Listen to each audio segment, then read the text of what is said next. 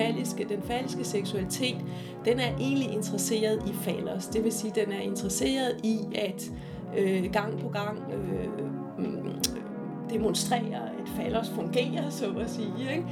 Og, øh, og den er også interesseret i i, øh, i kvinden som en slags fallos, altså kvinden som et trofæ, ikke? en pokal, nu har jeg gjort den og den erobring, potensen vokser med antallet af erobringer osv.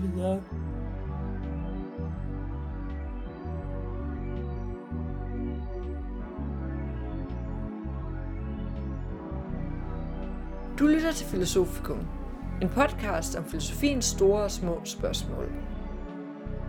Mit navn er Katrine, og i anledning af MeToo-kampagnens et års jubilæum, har jeg valgt at tage den en tur med til psykoanalyse hos lektor Lilian Munk Røsing.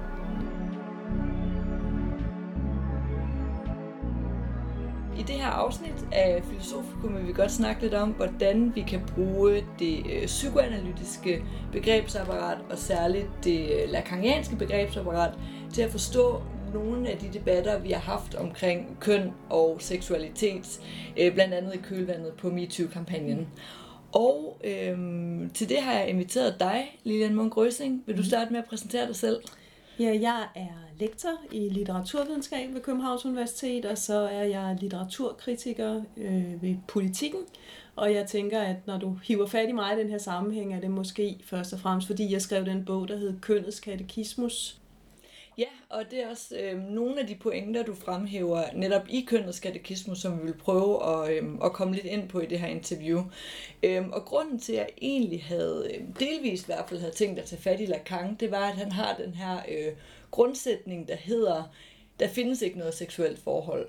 Øh, som jeg tænkte, vi kunne prøve og som ligesom på en eller anden måde kunne danne rammen om det her interview, fordi jeg netop har tænkt over, at noget af det, der er kommet frem i de sidste par år, ikke kun i forbindelse med MeToo, men også mange andre debatter, vi har haft, det er netop en eller anden asymmetri eller en eller anden øh, uoverensstemmelse, øh, uenighed mellem mænd og kvinder, eller de her to kønspositioner om, hvad der er god sex, hvis man kan sige mm-hmm. det på den måde, at er en eller anden struktur af dårlig sex, der er blevet, der er blevet blotlagt. Men først synes jeg, at vi skal, øh, som Lacan også opfordrede os til, gå tilbage til Freud, og se lidt på, hvilken rolle øhm, seksualiteten eller seksualdriften øhm, spiller for øhm, man sige, udviklingen af psykoanalysen. Så kan du starte med at fortælle lidt om øhm, Freuds libido-begreb?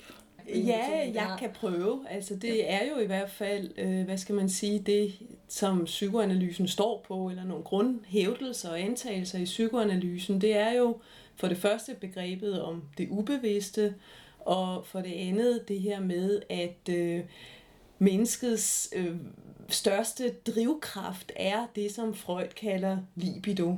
Og man kan godt kalde det seksualdriften, men så må man forstå seksualdrift meget bredt. Øh, men det er i hvert fald en drift, der på en eller anden måde er knyttet til det faktum, at vi fødes udstyret med nogle kønsorganer, og at øh, kulturen, vores omgivelser lige fra starten øh, synes at antyde, at der er et eller andet øh, vigtigt og måske også lidt gådefuldt ved de her kønsorganer, som gør, at vi lige fra vi er helt små egentlig er i gang med at prøve at tolke og forstå, hvad det betyder at være udstyret med, med den slags kønsorganer, vi nu engang er udstyret med. Ja, og kan du så prøve at fortælle lidt om, hvad der, fordi at Lacan et begreb, der i hvert fald bliver ret øh, vigtigt for Lacans tænkning, er øh, begrebet om begær. Ja. Kan du prøve at fortælle, hvad der ligesom sker, når libido-driften bliver til begær, hvis man kan sige det på den måde? Ja. Altså, hvad er det, han... Ja. ja. Altså begær er jo netop et øh, lakaniansk begreb, og man kunne også sige, det er det, der sker, når Freud møder Hegel og bliver til en eller anden form for fransk eksistensfilosofi. Øh, det er det, som Lacan er udsprunget af. Og øh, med til den franske eksistensfilosofi hører ligesom forestillingen om begæret som det her, der aldrig kan opfyldes. Altså vi begærer øh, et objekt, lige så snart vi så har fået det, så begærer vi noget nyt, eller er alligevel ikke fuldt tilfredsstillet, selvom det er det, som reklamerne prøver at indbilde os i dag, ikke? at hvis du spiser en Snickers, så bliver du fully satisfied, men pointen er, at det bliver vi aldrig, og det er jo også det, som hele forbrugsøkonomien sådan set er baseret på. Et begær, der aldrig helt for nok, eller hvis det er momentant for nok, så vil det i hvert fald meget hurtigt igen have noget mere.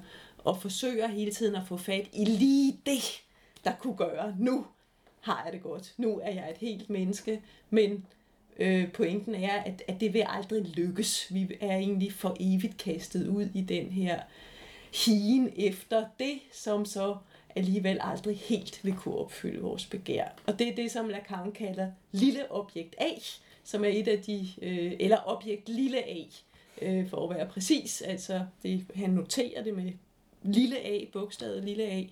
Og det er simpelthen hans betegnelse for det her øh, aldrig helt tilfredsstillende objekt.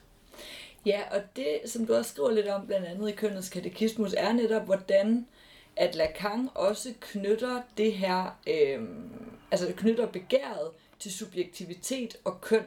Kan du prøve at fortælle lidt om, hvordan, hvordan det hænger sammen? Altså, det er jo sådan, at for Lacan så opstår begæret i det øjeblik, vi indtræder i det, han kalder den symbolske orden.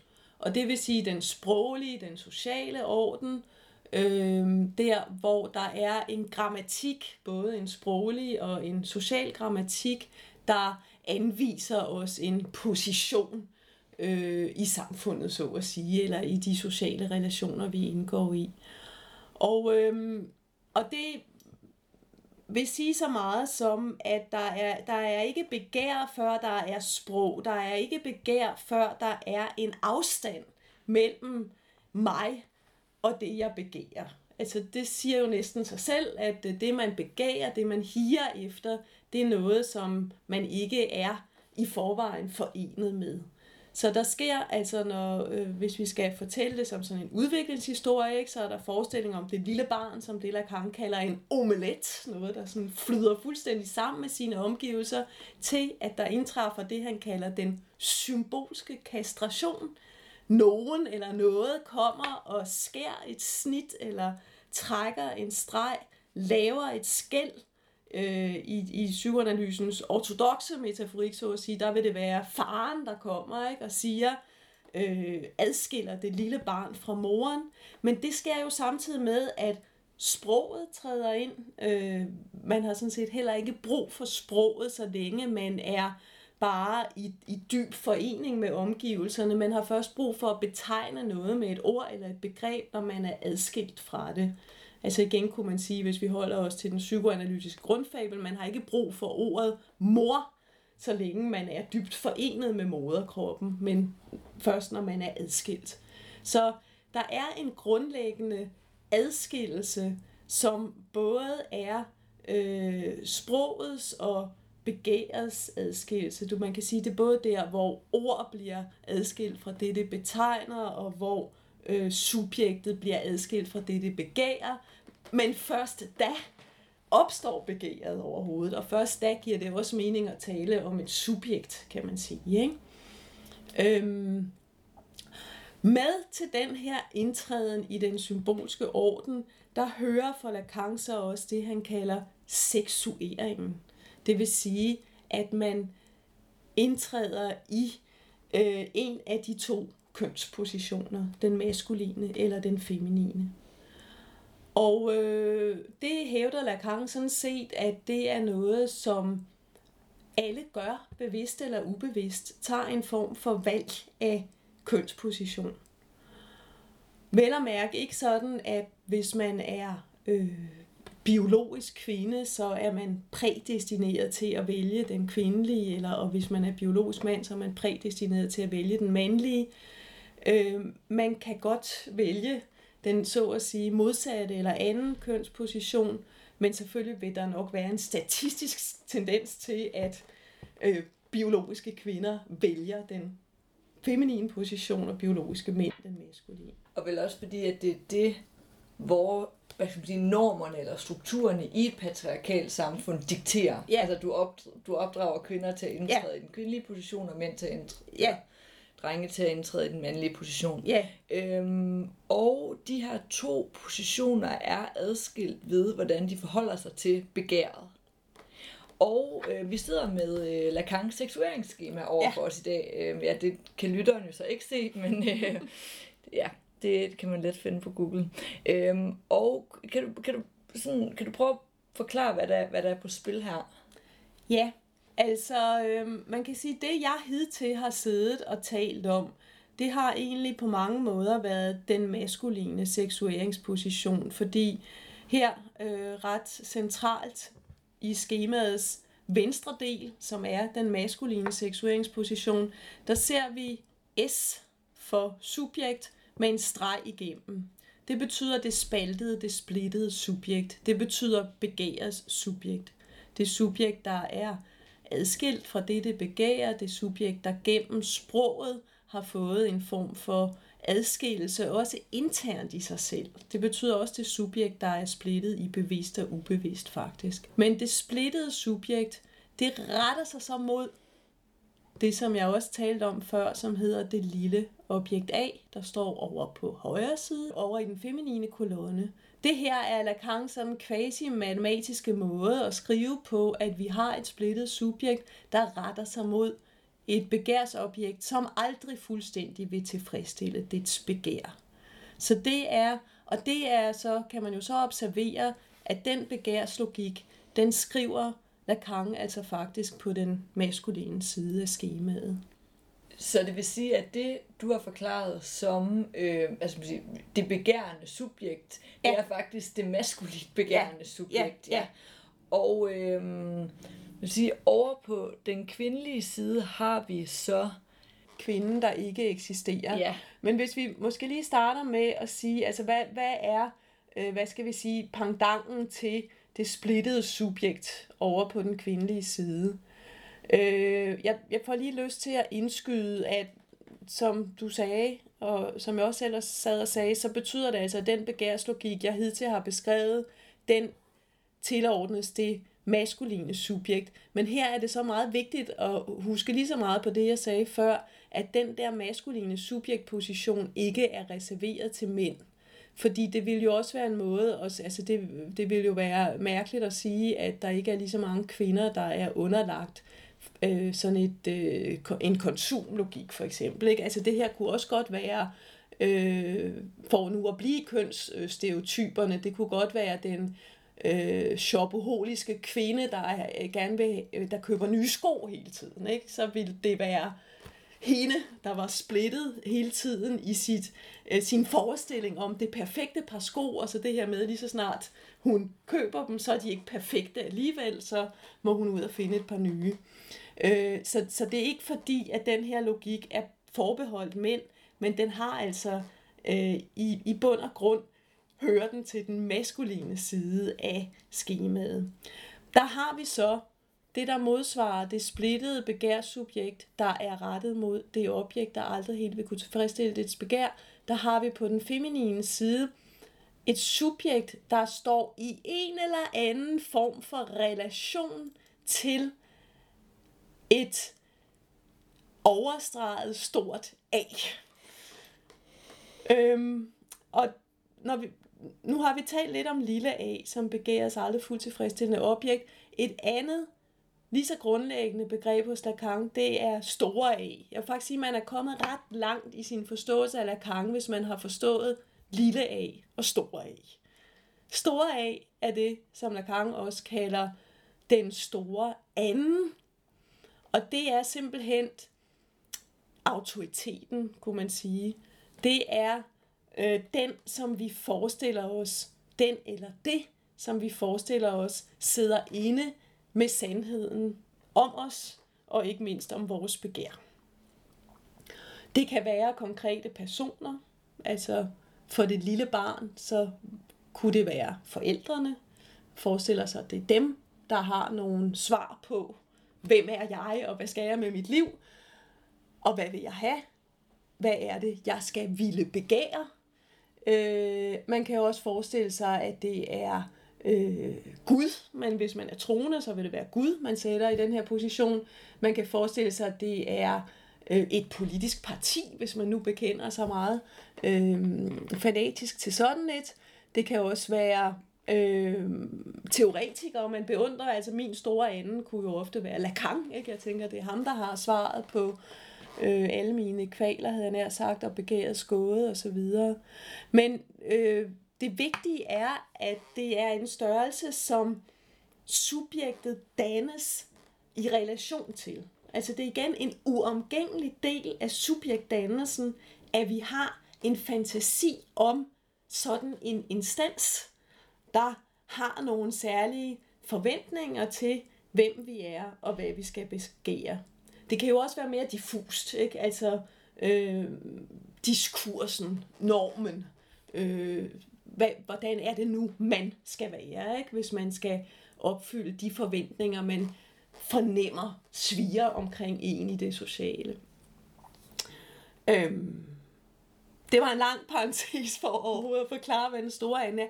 Det, der jo så er, er for mig interessant, det er ikke bare for mig, det er der mange andre, der også synes, at det, er, at det er interessant, at den feminine position til synlædende er defineret ved, at der er en spaltning i den her størrelse. Der er en sprække. Der er et, et hul, en ravne, en defekt, et tomrum i den her autoritet. Den er altså ikke absolut. Der, øh, den har en mangel i sig. Og det er det, Lacan siger på den måde, han siger, øh, at der findes ikke nogen store anden for den store anden.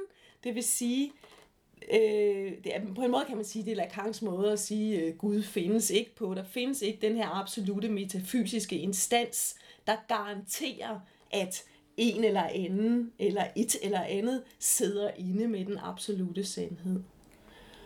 Og, og for Lacan vil det så også høre med til, hvad skal man sige, en form for i hvert fald etisk subjektdannelse, at man indser det her. At man faktisk indser, jamen, øh, min far sidder ikke ind med sandheden om mig. Min øh, psykoanalytiker sidder ikke ind med sandheden om mig.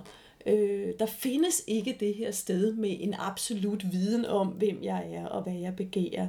Det er en forestilling, det er en fantasi. Og øh, hvis den kvindelige position er den, der på en eller anden måde har en, en adgang til den her viden om, at den store anden ikke er absolut, så betyder det også, at den feminine position er et sted for, for mulig kritik og mulig forandring af den rådende orden, de eksisterende normer. Manden, bare lige for at samle op, manden er det her begærende subjekt, der konstant er henvist til at jagte aldrig helt tilfredsstillende begærsobjekt. Og ja. det er kvinden også, nogle gange. Ja, ja. Men der er noget helt, der er noget specielt ved den kvindelige position, som består i, at hun har et forhold til bristen i den store anden. Yes. Hvordan skal vi forstå det? At, at, at den kvindelige position har et forhold til det, ja, til bristen i den store anden, eller til det faktum, at man skal sige, de har sådan videnssystemer, og tænker også, at vi hele tiden orienterer os efter. Vi regner hele tiden med, at der er nogen, der ved noget. Men det, det er der i sidste instans ikke. Altså, hvad er det, der er ved, at, at kvinden har et forhold til det? En måde, man øh, kan udlægge det på, det er jo at sige, at, at øh, den feminine position så står øh, i en særlig kontakt med det, der sådan set overskrider den symbolske orden, som du også kunne kalde den rådende sproglige og sociale orden. Øh, måske kan et billede hjælpe lidt. Altså der, hvor Lacan fremlægger de her formularer, det er i hans seminar 20, og på forsiden af seminar 20, som den øh, er trygt i den franske udgave, der ser man øh, Berninis skulptur af den hellige Teresa, en marmorskulptur i en kirke i Rom, hvor øh, man ser den hellige Teresa, mystikeren, i ekstase. Altså en henslængt øh, kvindeskikkelse med øh, et opadvendt ansigt. Hun himler mod et eller andet deroppe altså Gud, hvis vi skal øh, tolke det selvfølgelig inden for den her kristne mystik, som øh, figuren befinder sig i. Og så står der rettet mod den hellige Teresa, der står der sådan en lille amer med, med sin pil. Og det er jo lige før, man kunne se den lille amer med sin pil som sådan et billede på det her falliske begær. Ikke? En, en, øh, en, en falisk rettighed mod den her henslængte kvindefigur. Og den henslængte kvindefigur er til gengæld overhovedet ikke reciprokt rettet tilbage mod den lille falske amor. Hun øh, himler og er til synligheden i kontakt med et eller andet, der overskrider vores forstand. Og det kunne man jo godt se som et billede på det her med, øh, altså og her er det mystikeren, ikke? det er også derfor man kan sige, at den feminine position kunne man forstå som mystikernes position, ligegyldigt igen om den mystiker er mand eller kvinde, men en der søger en kontakt med noget, der faktisk ikke kan rummes i, ikke kan indfanges af det, som vi har ord og begreber og eksisterende sociale systemer og positioner for. Og hvordan skal vi så, altså kvinde, fordi det, det taler jo også lidt til sådan en, øhm, sådan umiddelbart til en eller anden sådan kliché omkring, at mænd kan ikke forstå kvinder, eller at kvinder er ligesom sådan det der, øh, det, det, det, det er mere, ja, også, også sådan noget, der er i kontakt mere med naturen, ja. og det er, sådan, det, mm. det er mere sådan mystiske, det er mere vilde på en eller anden måde. Men er det noget af det, altså det er sådan en, et kulturelt motiv, man ligesom ser ja. gå igen, eller sådan ja. at, øhm, ja. øhm, men så har Lacan også bare i forhold til det her med den, den her tese om, at kvinden eksisterer ikke. Ja. Øhm, og det kan være, at vi skal gå videre i seksueringsskemaet, så for ja. at se, hvad, hvad, hvad vi skal forstå derved. Ja, fordi der er jo forskel på det, man kan kalde den feminine position, og så det, man kan kalde kvinden med stort K, som øh, også er med i seksueringsskemaet, men som er der også med en streg igennem. Der står la, altså den øh, feminine bestemte artikel på fransk, la femme, og så har Lacan altså igen trukket en streg over, slået en streg over la. Og det er hans måde igen kort at notere det på, som han også siger, et af de udsagn, han er berømt og berygtet for, kvinden eksisterer ikke, men som man altså må forstå på den måde, at det er den her kvinde, kvinden, eller kvinden med stort K, eksisterer ikke, er et fantasiprodukt, øh, som så står herover på den feminine side, hvilket øh, jeg forstår som det, at for det feminine subjekt, eller det feminine seksuerede subjekt, der vil fantasien om den her kvinde med stort K altid spille en rolle. Altså, og øh, hun vil ligesom sammenligne sig med den her kvinde med stort K, men netop også have den her erfaring af, jamen det er jo ikke mig. Altså jeg kan jo ikke leve op til det her ideal. Jeg er ikke kvinden med stort K. Det er i hvert fald en måde at forstå noteringen på her at sige, at, at øh, for, for det kvindeligt seksuerede øh, subjekt, så vil der hele tiden være en problematik, der handler om at sammenligne sig med idealet om det kvindelige. Det evigt kvindelige, som Goethe taler om osv. Og så øh, netop opleve diskrepansen. Det, det er jo ikke mig. Og det kan man jo så gøre på mere eller mindre, hvad skal man sige, øh, selvplagende måder. Ikke? Det kan jo godt være en råd til stor selvplage, hvis man ligesom hele tiden øh, føler, at man burde være den her kvinde med stort K, men det er lille jeg jo ikke, og det vil jeg aldrig blive. Jeg tror også, du skriver eller formulerer det her, hvis vi vender os lidt mod det her med, at der ikke findes noget seksuelt forhold, at mm. du formulerer det som om, sted i kønnets katekismus, at det betyder, at når en mand og en kvinde har et seksuelt forhold, så har kvinden egentlig et forhold til kvinden med stort K, mm. mens at manden har et forhold til fallers. Mm. Kan du prøve at uddybe ja, det? Altså... Ja, ja, fordi altså det ligger lidt i den der, og det, det øh, siger Lacan sådan set også, at i den falliske, den falliske seksualitet, den er egentlig interesseret i fallers. Det vil sige, den er interesseret i at øh, Øh, gang på gang øh, mm, øh demonstrerer, at fallers fungerer, så at sige. Ikke?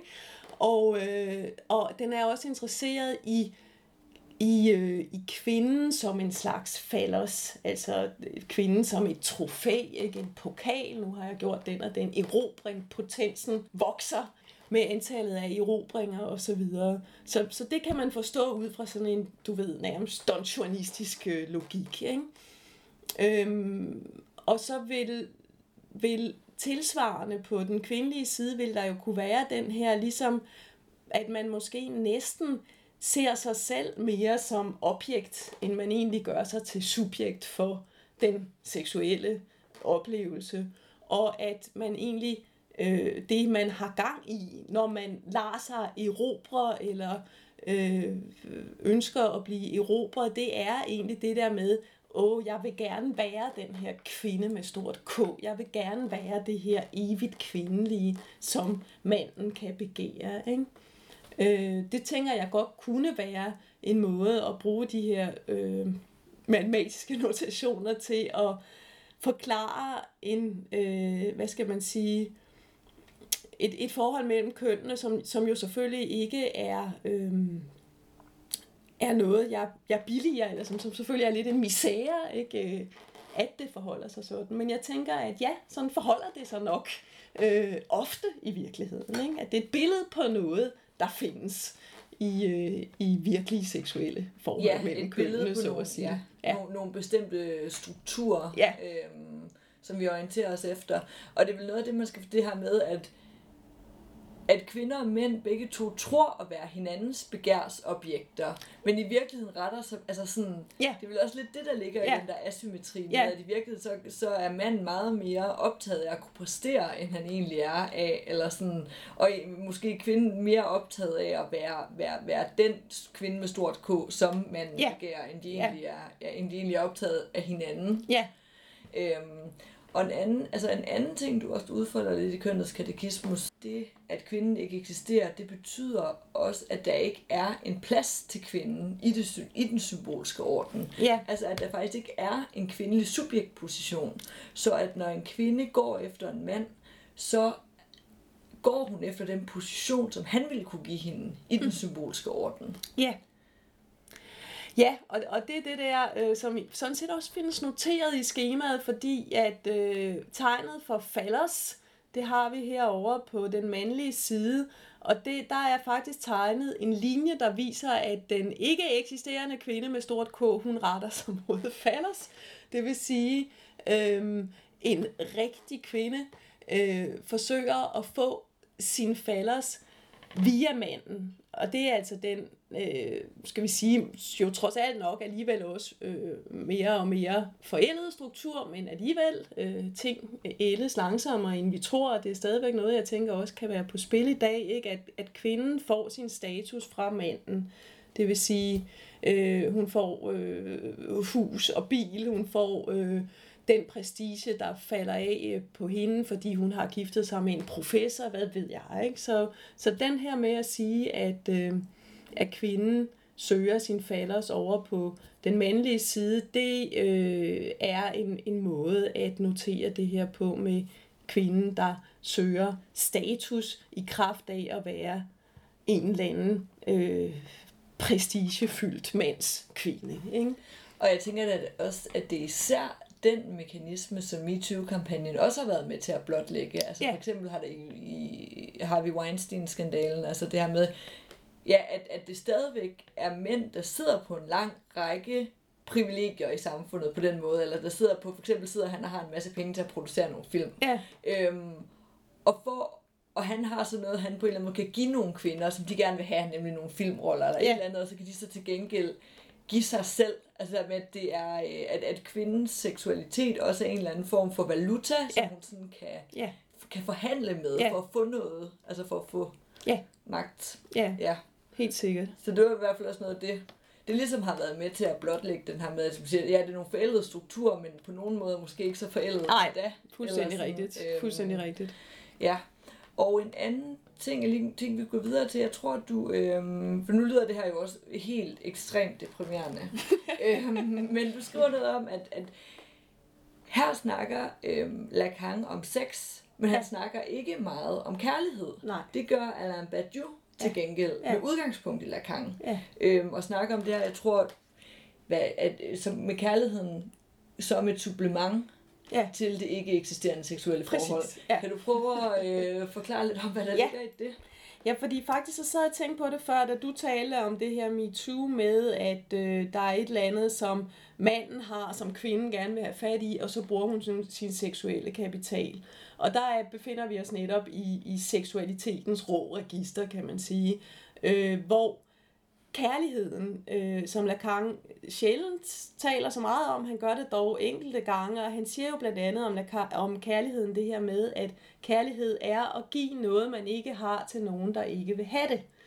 Og det er jo faktisk øh, så netop en øh, negering af den logik, du lige beskrev, ikke? at her er der nogle øh, mænd, der har noget, som kvinderne gerne vil have fat i, og så giver de den krop, som mændene gerne vil have. Så har vi en udveksling, en transaktion, hvor Altså på sin vis kunne man sige, at alle får, hvad de vil have, øh, bortset fra, at øh, det gør de ikke, fordi der er netop ikke rigtig nogen etik til stede i det her. Der er nok heller ikke så meget kærlighed. Og, og når Lacan siger på den her måde, kærlighed er at give noget, man ikke har til nogen, der ikke vil have det, så er det jo også en måde klart at markere, at kærlighed er noget andet end den her begærslogik.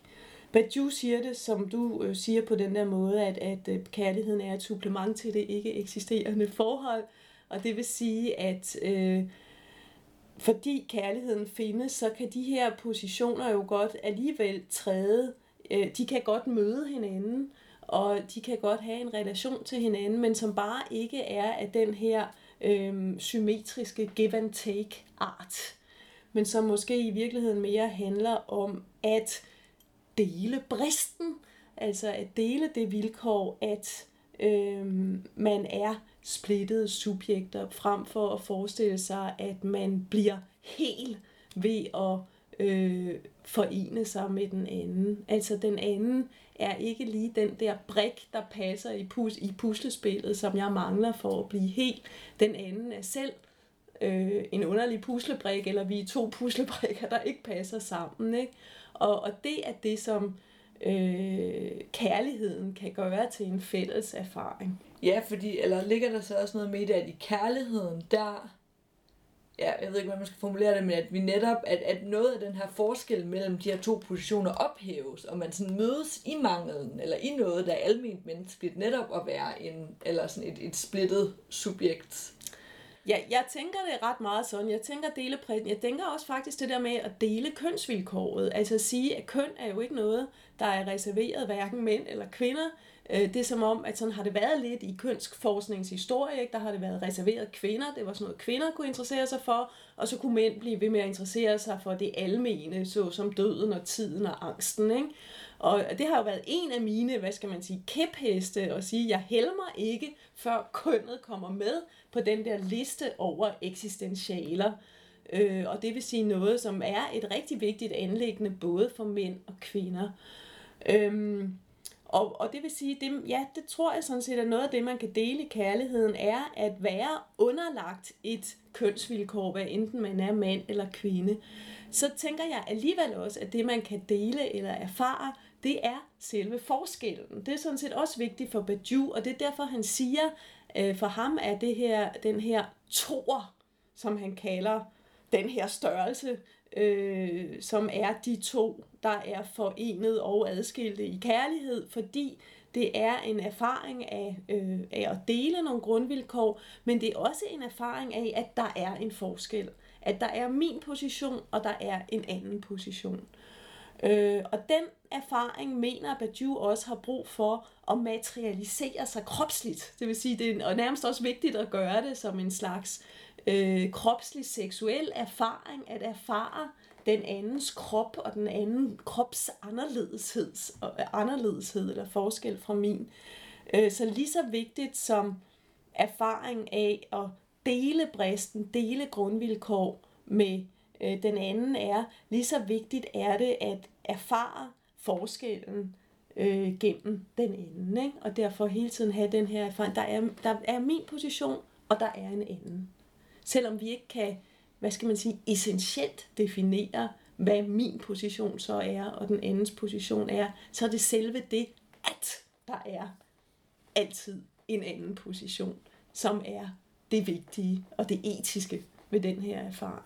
Og som man ikke nødvendigvis, fordi det er lidt af forskellen på eller, så kærligheden og seksualiteten, det er, at man så ikke indgår netop med den anden position i sådan en, en handelsrelation, eller hvad man skal sige. Altså ja. Altså sådan, at man, ja. ja. Fordi jeg synes også, det er noget, nej, nu ved jeg ikke, om det giver mening i forhold til det her, men noget, man ofte ser, altså der er sådan en diskurs omkring, at for at det seksuelle kan eksistere, så skal der være forskel. Mm. Og så skal der være ulighed. Mm. At det er sådan et bestemt, altså, altså ja. hvis vi får for meget sådan konsensus, eller hvis vi bliver forenet, så forsvinder det seksuelle. Ja. Hvor jeg kan være med at tænke på, at i Lacans tænkning er det vel næsten omvendt. Altså fordi det seksuelle forhold eksisterer ikke, fordi der er en ulighed, eller fordi der er en asymmetri. Men jeg ved ikke, om man kan sætte det op på den måde. Det var bare lige en tanke, jeg fik, eller sådan det her med. Ja, ja altså jeg tænker, at der er, jeg tænker to ting mindst. Altså for det første, at øh, forskel jo ikke behøver at være hierarkisk forskel. Det har faktisk også været en af mine kæpheste, blandt andet i kønnets katekismus, at øh, øh, hvis vi tænker forskellen netop i kærlighedens navn i stedet for i magtens navn, så er, er forskel jo ikke nødvendigvis noget med, at øh, forskellen på bød eller offer eller subjekt og objekt, eller den ene er over den anden. Altså det, det er jo sådan set, øh, det burde være muligt at tænke forskel som noget andet end polarisering og hierarkisk forskel. Ikke? Øh, at der så er noget, og, og her nærmer vi os måske det andet, der definerer psykoanalysen, altså interessen for det ubevidste, at der er fantasier, som driver os, og som sagtens kan have øh, karakter af, af forskellige former for underkastelse eller dominansfantasier og spille en vigtig rolle i vores seksualliv. Øh, det, det tror jeg også er vigtigt at anerkende. Altså at, at det ikke er noget med ligesom at ville, hvad skal man sige, demokratisere sig bort fra den der leg med hierarki og magtpositioner, som er og bliver øh, en vigtig del af, af den seksuelle fantasi og den seksuelle æggelse, tror jeg. Øhm, men der er altså bare netop altså en stor forskel på, om de ting udspiller sig råt, eller om de på en eller anden måde er øh, ja, over, for, altså er garneret med kærlighed, så jeg kan høre mig selv sige, det lyder dumt, ikke? men altså omsluttet af kærlighed måske heller, eller suppleret af kærlighed, foregår inden for kærlighedens regi, eller i et etisk regi, kunne man også sige. Ja, og her til sidst tænker jeg lige, vi kunne prøve, nu har du snakket lidt om det her med netop kvinden som det subversive sted. Ja. Og, og måske kunne vi lige snakke lidt om det her med, hvad, hvad er det, hvis man kan sige det på den måde, det subversive potentiale inden for Lacans tænkning. Altså fordi en ting er jo, at de her to positioner, det har vi ligesom fastlagt, er ikke er biologisk, mm. men det er en bestemt øh, social, kulturel orden. Ja. Som de, og, så, og, og, de, og de så byttes ud en gang imellem. Men der kunne jo også være flere positioner end to, eller der ja. kunne også være op... Altså tænk ja. den her med sådan, hvordan den her øh, binaritet, eller sådan, hvordan man kan Jamen, det øh, får mig til at tænke på en ting, som jeg egentlig ville øh, sige før. Jeg tror, du nemlig selv var øh, lidt på vej derhen af tidligere. Altså det der med, at et spørgsmål, man med god grund kan stille til, det, til seksueringsskemaet, det er, øh, hvorvidt den her angivelse af den feminine position ikke bare er endnu en gang mandens fantasi om den feminine position. Ikke? At kvinden står i en særlig kontakt med Gud, eller naturen, eller djævlen. Det kan sådan set være ligegyldigt, ikke? om det er, er heks eller helgen, men den her fantasi, som er virkelig gennemgående i vores kultur, ikke? at der er en særlig forbindelse der. Og det kan man øh, med god ret spørge, øh, jamen er det ikke bare det serveret i endnu en version? Den, den mere, hvad skal man sige, øh, opløftende måde måske at betragte det på, det er at hæfte sig ved det der med, at der er noget ved den her position, som er hinsides den falliske orden, hinsides den der begærsøkonomi, som på en eller anden måde er blevet hele vores øh, økonomi, ikke? altså hele vores samfundsøkonomi, og også hele vores øh, konsumeristiske økonomi, som jeg snakkede om før. Og, og der kan måske ligge en eller anden form for, for håb, hvis vi, hvis vi tolker det her lille streg over den store ende, som at øh, der er altså en sprække for, at andre ordner måske kunne være mulige end den, vi lever under. Eller hvis vi også, som, som, øh, som Lacan siger, ikke, at han siger, at der er den faldiske nydelse, og så er der den anden nydelse. som han kalder den på den feminine side. Og øh, det kunne måske være et øh, meget godt øh, øh budskab til os, at øh, der, der, der findes andre måder at nyde på. Der findes en anden nydelse end den, som i den grad har sat sig fast som altså nærmest vores imperativ i samfundet i dag. Ikke? Du skal nyde på den her fatiske begærsmåde, fordi det er faktisk den, der holder hele samfundsøkonomien kørende. Hvis nu vi siger, at en anden nydelse er mulig, så har vi måske åbnet op for en, en kritik eller en utopi. Ja, men jeg synes, vi skal lade det være de sidste ord, medmindre du har noget, du kan med tilføje. Nej, lad os bare stoppe her. Yes.